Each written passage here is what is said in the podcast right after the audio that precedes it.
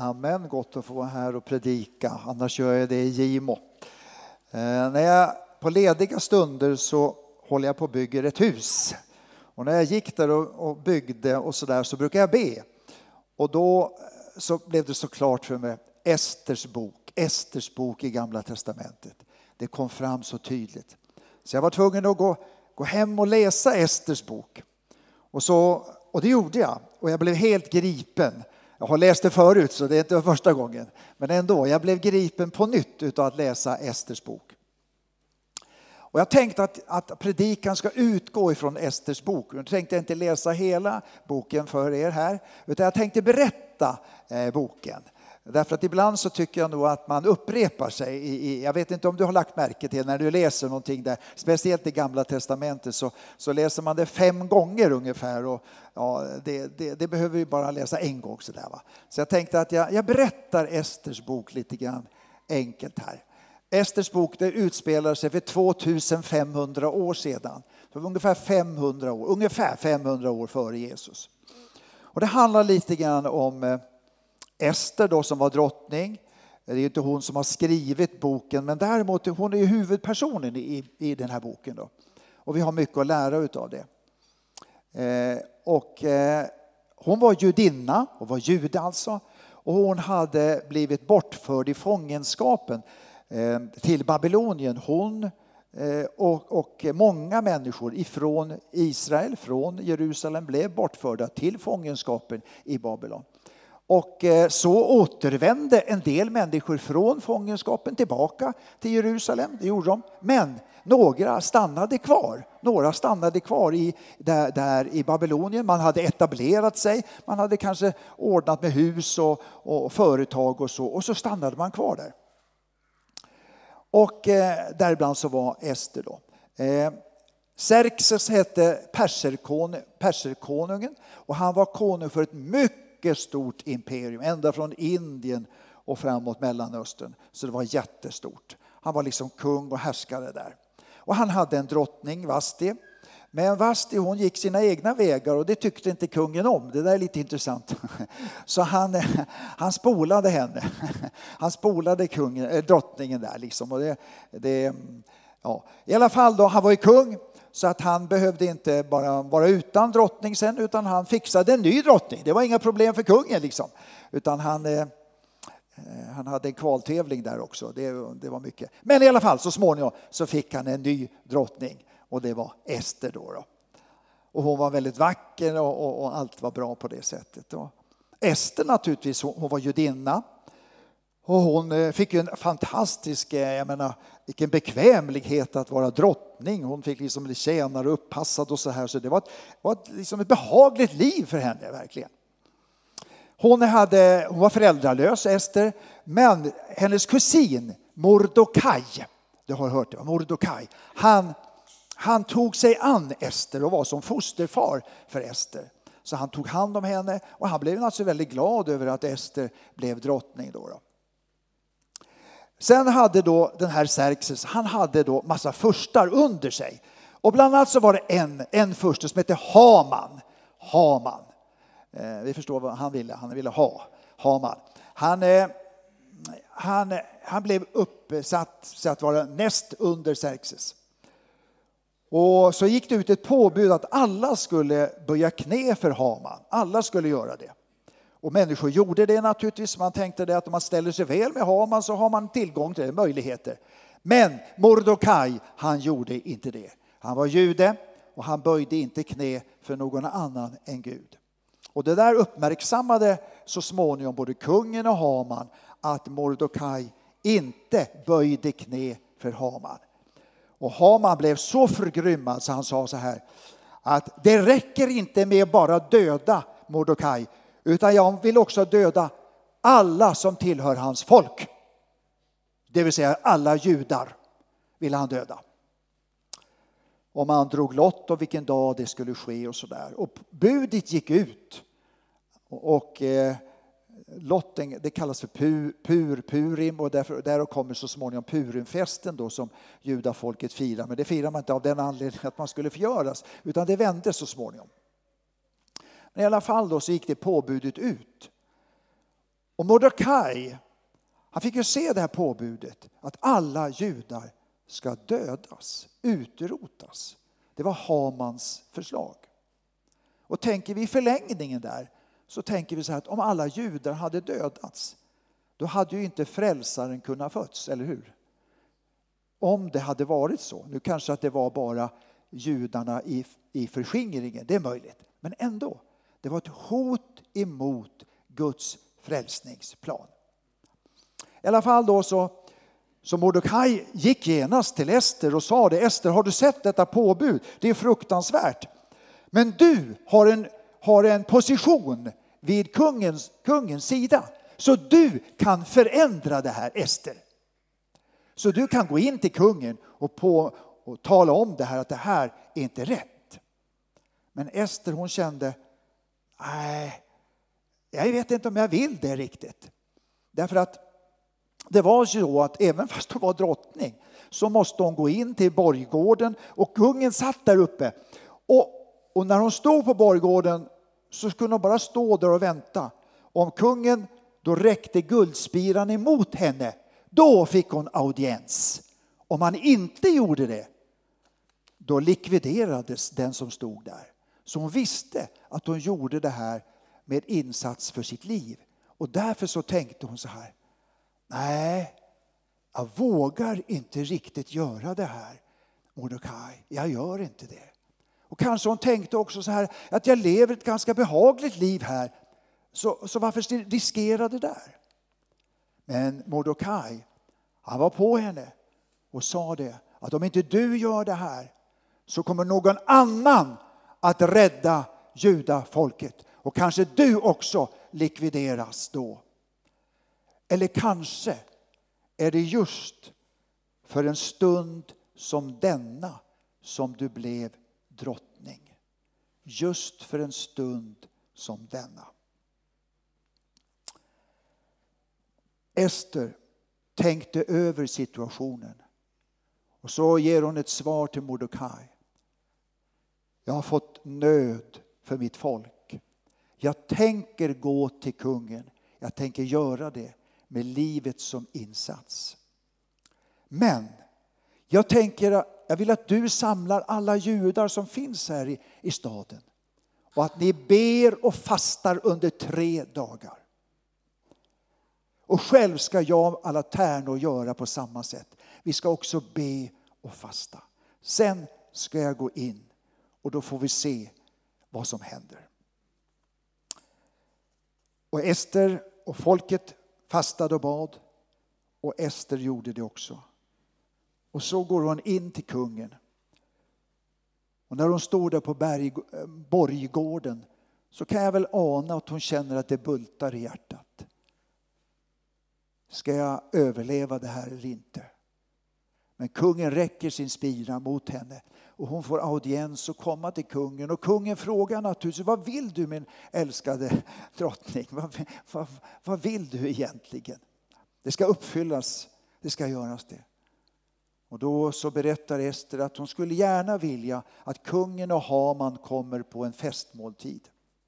Kungen tackar ja och Haman blir jätteglad och han känner så här att oh, wow, jag får vara med liksom på en festmåltid hos drottningen. De kommer och de är på festmåltiden och så småningom så säger kungen så här, men drottning vad är det du vill egentligen? Och då säger drottningen så här, jag vill att ni kommer en gång till på en festmåltid, du och Haman. Och Haman han går hem på en gång och säger det, det är helt fantastiskt, drottningen det var helt underbart. Vi ska komma på en ny festmåltid. Hon gillar mig verkligen skarpt. Så kommer de till den nya festmåltiden då. Och då säger kungen igen, så vad är det du vill? Och då säger drottningen så här, ja, jag skulle inte ha oroat dig kungen om det bara gällde mig själv och mitt eget liv. Men nu gäller det inte mig, utan det gäller mig och mitt, hela mitt folk som jag tillhör. Och det är inte så att vi bara är sålda som slavar, utan vi ska likvideras, vi ska utrotas. Någon i ditt rike har sagt detta. Och kungen blir, blir liksom rasande. Vem har sagt detta? Vem har sagt detta? Och då säger drottningen stillsamt. Jo, kung, Haman som sitter där. Det är han som har beslutat det. Kungen blir tänd till vrede, går ut. Han har fattat beslutet att likvidera Haman. Och Haman så småningom hängs upp på en påle. Och drottningen frågar kungen, men vad ska vi nu göra? Och så går det ut en ny skrivelse i landet, nämligen att judarna har rätt att försvara sig om de överfalls. Och folket vänder sig så att de är för judafolket. Det här är intressant. Folket var mot judarna, men det vänder sig. Det blir en vändning så att folket tar, tar parti för judafolket. Så de som försöker på något sätt angripa judarna blir istället angripna och judarna överlever detta. Och till det, minne av det så firar man sen Purimfest, också i våra dagar. När jag läste det här så blev jag så gripen av Gud. Jag blev det. Jag vet inte om du blev det när jag berättade det här. Jag ser ju att man kan läsa det som en historisk berättelse och det, det ger mycket att göra. Vi har mycket lärdomar av detta. Men det finns ju ytterligare lager när vi läser Bibeln. Vi kan upptäcka ytterligare saker. Och, och går vi under ytan så kan vi se en andlig tolkning, en allegorisk tolkning. Man får vara lite försiktig där, det får man vara. Man får inte dra ut för stora konsekvenser. Men ändå kan man se korn som är så intressanta. Så är det ju med hela Gamla Testamentet. Att där kan vi se skuggbilder av det som verkligen sker i Nya Testamentet. Och vi var inne på, Joel, du var inne på det, när du berättade om att Mose var ju på något sätt en förebild till Jesus. Och det är han ju. Han är, man kan säga en skuggbild. En bild skugga, det vill säga aningen diffus. Men ändå så är det en bild utav en profetisk bild av vad som kommer att komma, nämligen Jesus. Så var det också med Josef. Han var också en sådan, sådan gestalt. Så vi kan, I Josef så kan vi se så mycket utav Jesus när han träder fram.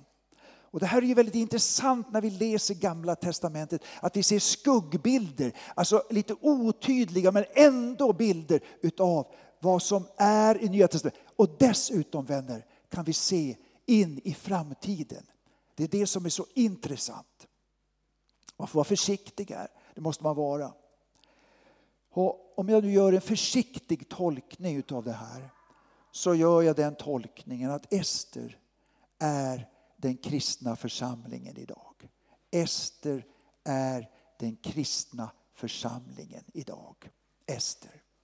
Jag har många teologer med mig på den vägen så att det är inte något eh, uppseendeväckande. Och då blir det väldigt intressant att se Esters roll är församlingen. Jag ser också i Mordokaj, Mordokaj var ju släkt med Ester, så ser jag den helige Ande. Mordokaj ser en förebild till Guds helige Ande. Det som är enklast att se, det är ju naturligtvis att se Haman, eller hur? Att se Haman, att förstå att Haman tillhör den mörka sidan, det tror jag inte är så svårt. Utan vi förstår det. Och här blir det ju intressant, om vi, om vi tänker nu lite grann i den här bilden. Att Haman hade en sån fruktansvärd ilska mot Mordecai. Kan ni nu tänka på det? Ondskan har en fruktansvärd ilska mot den helige Ande och vill bara mörda och döda detta och få bort det. Det kan vi nog ana. Jag tror vi kan ana det.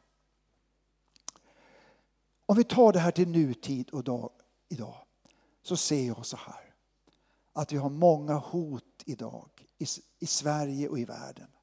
När jag möter vanligt sekulariserade människor så, så säger de ja, världen är verkligen inte sig lik längre. Har ni mött några sådana människor? Tänker ni så själv att ja, eh, det kan ju vara ett sätt att man blir gammal kanske, men, men på något sätt är det många som reagerar för det som man läser, ser och hör. Att det är något särskilt på gång. Det är stora grejer på gång på något sätt. Svåra grejer också.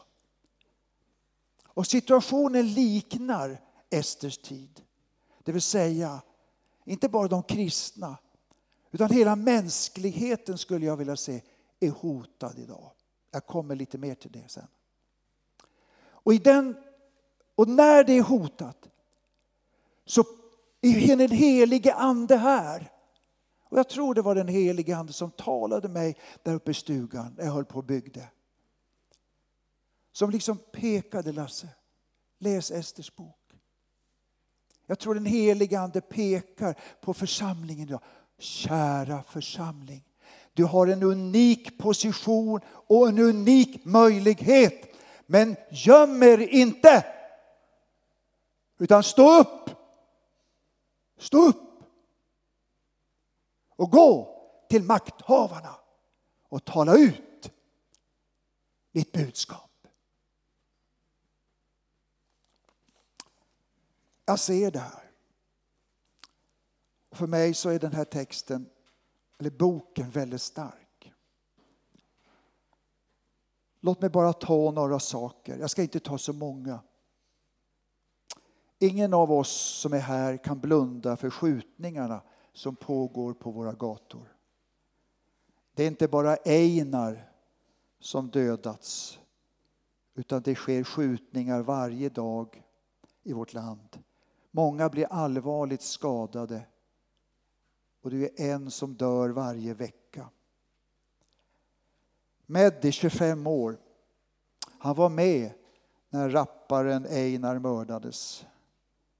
Han berättar om det blodiga kriget mellan dödspatrullen och rivalerna Shottaz. Och han är övertygad. Inget kan stoppa dödandet. Låt oss äta varandra tills vi är slut, säger Medi. Hur har det blivit så här i Sverige? Hur har det blivit så här? Är det så här att det, när det inte längre finns några knut, knäppta händer så haglar de knutna händerna? Kan det vara så? När jag lyssnade till rikspolischefen här i veckan och också till inrikesministern med jämna mellanrum så upplever jag att de är desperata. I deras uttalande känner, hör man deras vanmakt. Även om vi får fler poliser så är det svårt att stoppa det eskalerande våldet bland barn och ungdomar. Och båda, rikspolischef och inrikesministern Damberg, de återkommer till det ohämmade flödet av droger och narkotikabrotten som bara ökar. Och jag märker det här hos många makthavare. Man känner en desperation över den tragiska utvecklingen. Jag tror att vi delar mycket av det här. Visst kan vi blunda för den globala uppvärmningen. Men jag tror ingen längre kan förneka den. Även om vi som är här inne, för söndags har ju gått nu, vi kommer att klara oss. Även om det blir 2,5 grads temperaturhöjning till sekelskiftet. Vi kommer förmodligen att klara oss. Men hur ska det gå för dina barn? Hur ska det gå för dina barnbarn? Vi har en konferens i Glasgow just nu, en klimatkonferens. Alla pratar, men få gör någonting. Men pratar, det gör vi mycket. Peter Halldorf är som jag ser en profetröst från den kristna kyrkan. Vi har alldeles för få profetröster, men han är en profetröst.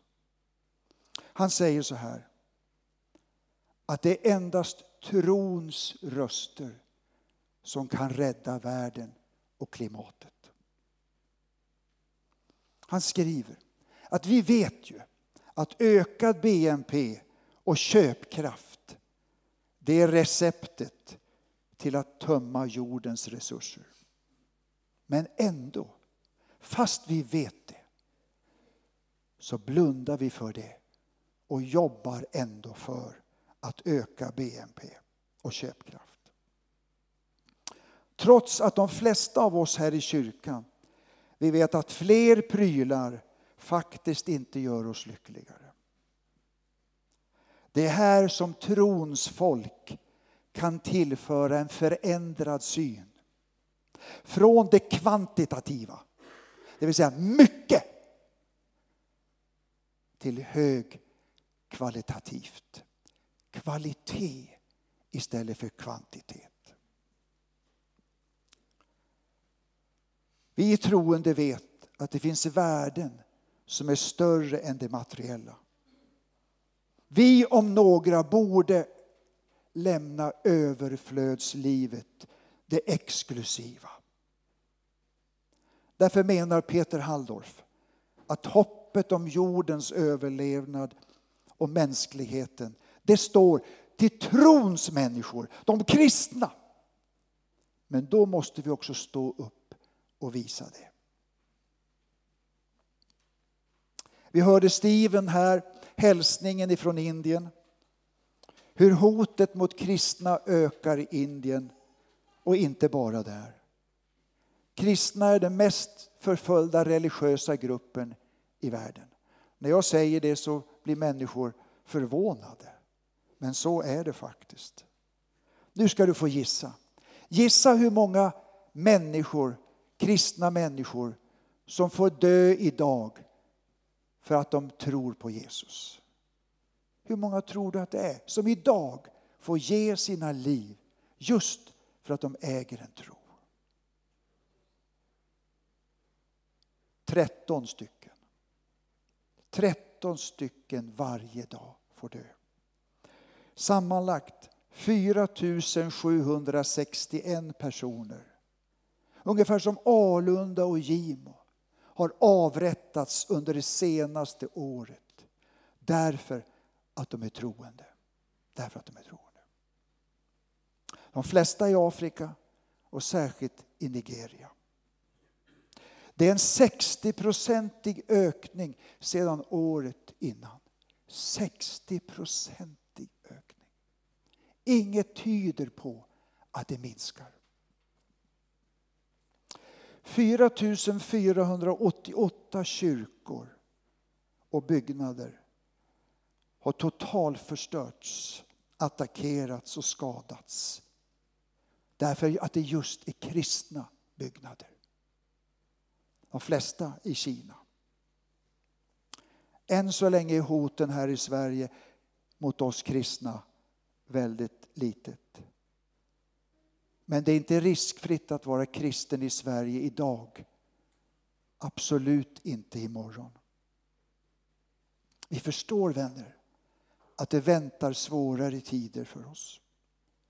Och definitivt gör det det för judarna. Och därför har många judar lämnat Sverige. Många judar som var bodde i Malmö har emigrerat. För inte så länge sedan skandalerade, skandalerade muslimerna i Malmö följande.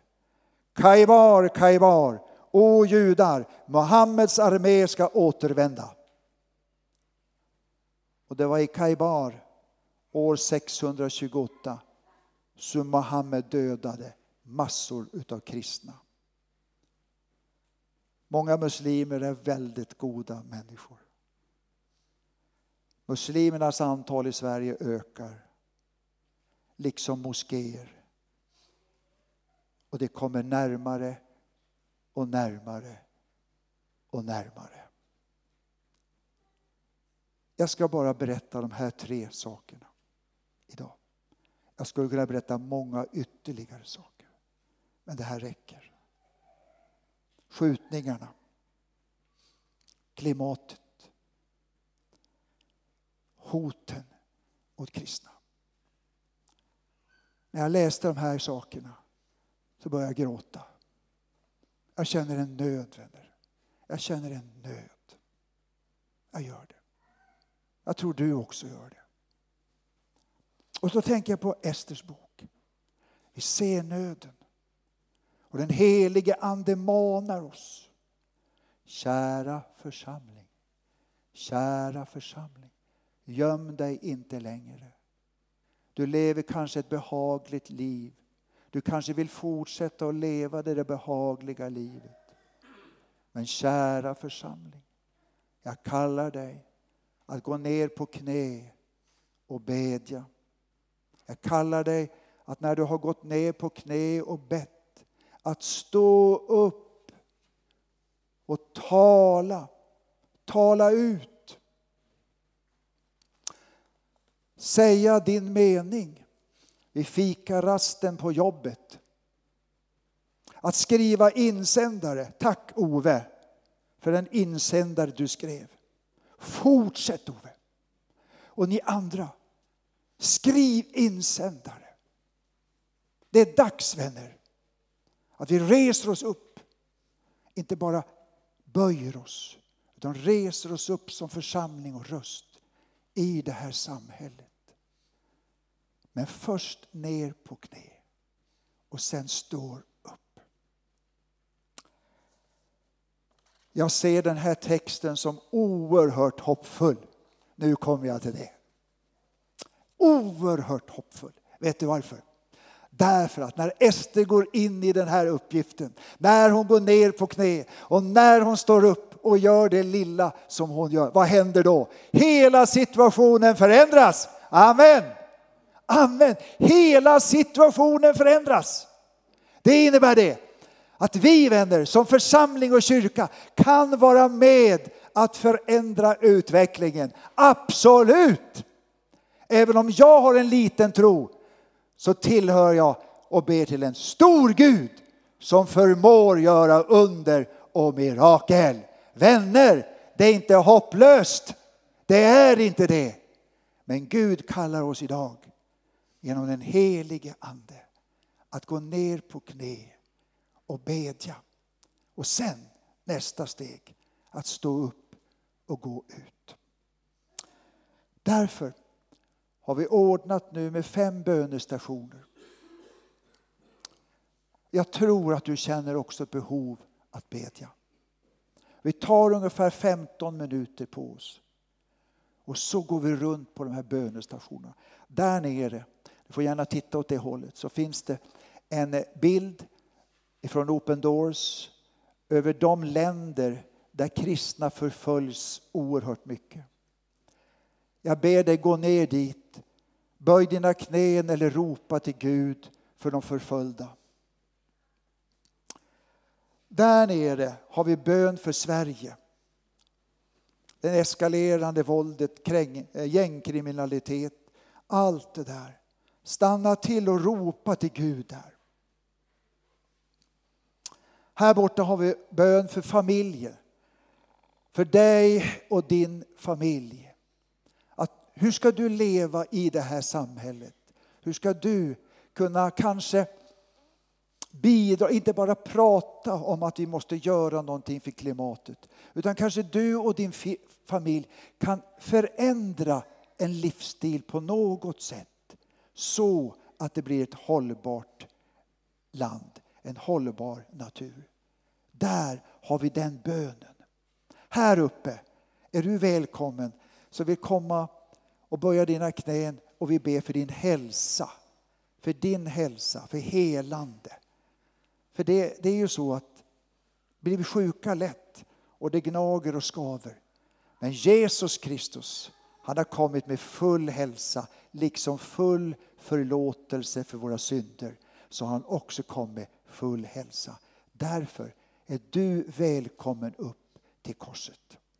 Och här ska vi ytterligare be för någonting som jag har glömt just nu.